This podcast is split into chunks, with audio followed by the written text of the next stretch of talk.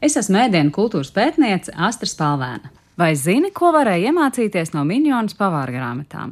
Pavāra grāmata stāsta ne tikai par ēdieniem, to pagatavošanu un pasniegšanu, bet arī par virtuves iekārtošanu, viesību rīkošanu, ēdienu dekorēšanu, galda klāšanu un uzvedības kultūru. Līdzās praktiskā informācijai rodam ieteikumi, kā piešķirt dzīvē spožumu, kā demonstrēt pārticību un statusu. 19. un 20. gadsimta mijā, īpaši Rīgā, Latvieši varēja strauji tikt pie turības un gribēja to apliecināt ar attiecīgu dzīvesveidu. Par paraugu tika ņemts Vācu baltiešu elites dzīvesveids, taču bija maz iespēju uzzināt par tā praktiskajiem aspektiem. Vislabāk informēti bija kalpotāji. Piemēram, Augusta Deglava romānā Rīga Pēterim Krauklītim krustāvs iesaka sākt ar darbu krogā, kur varētu noskatīties, kā kungi runā, uzvedas un ģērbjas, un to atdarinot, tikt dzīvē uz augšu. Cita iespēja uzzināt par augstāko slāņu sadzīvi bija mājturības grāmatas, kas burtiski sniedza izsmalcināt dzīvesveidu receptes. Sievietēm, kuru dzīves līmenis pēc laulībām strauji mainījās, lieta noderēja Hermīnas Zālītes, jeb minionas mājturības grāmata, kas divos apjomīgos sējumos iznāca 1901. un 2. gadā.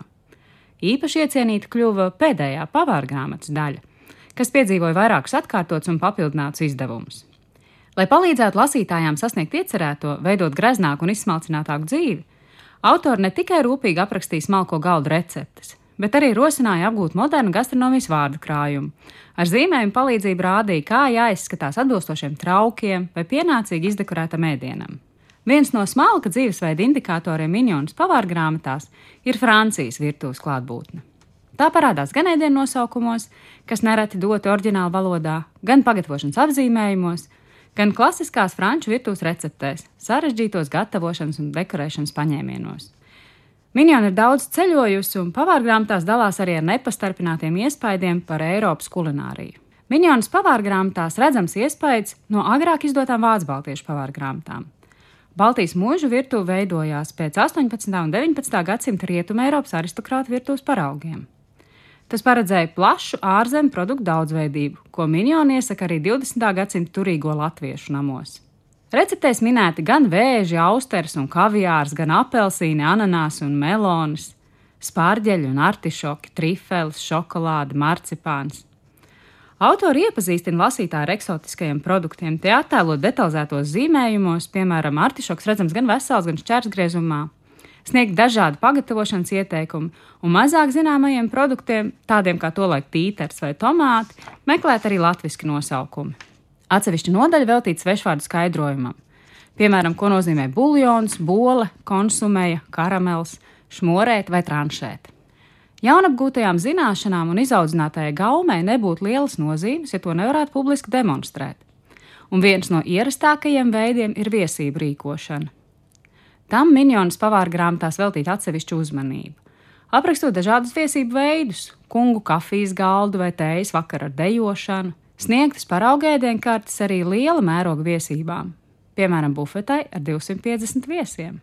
Bet šajā pusdienu mīlestā 25 personām ieteikts pasniegt austeres, zivju buļļonu ar mazām pastētēm, vērša filē ar trifeļu zosti, lauka īrbes ar augļu ievārījumu, šmorētas vistiņas, tītara ar šampinionu zostu un kastaņiem, teļa kotletes ar zaļiem zirņiem, ceptu sudraba lasi ar sviesta zostu un augļu salātiem, augļu krēmi, blamanžē, aveņu un ananāsu ledu, augļus un konfektes.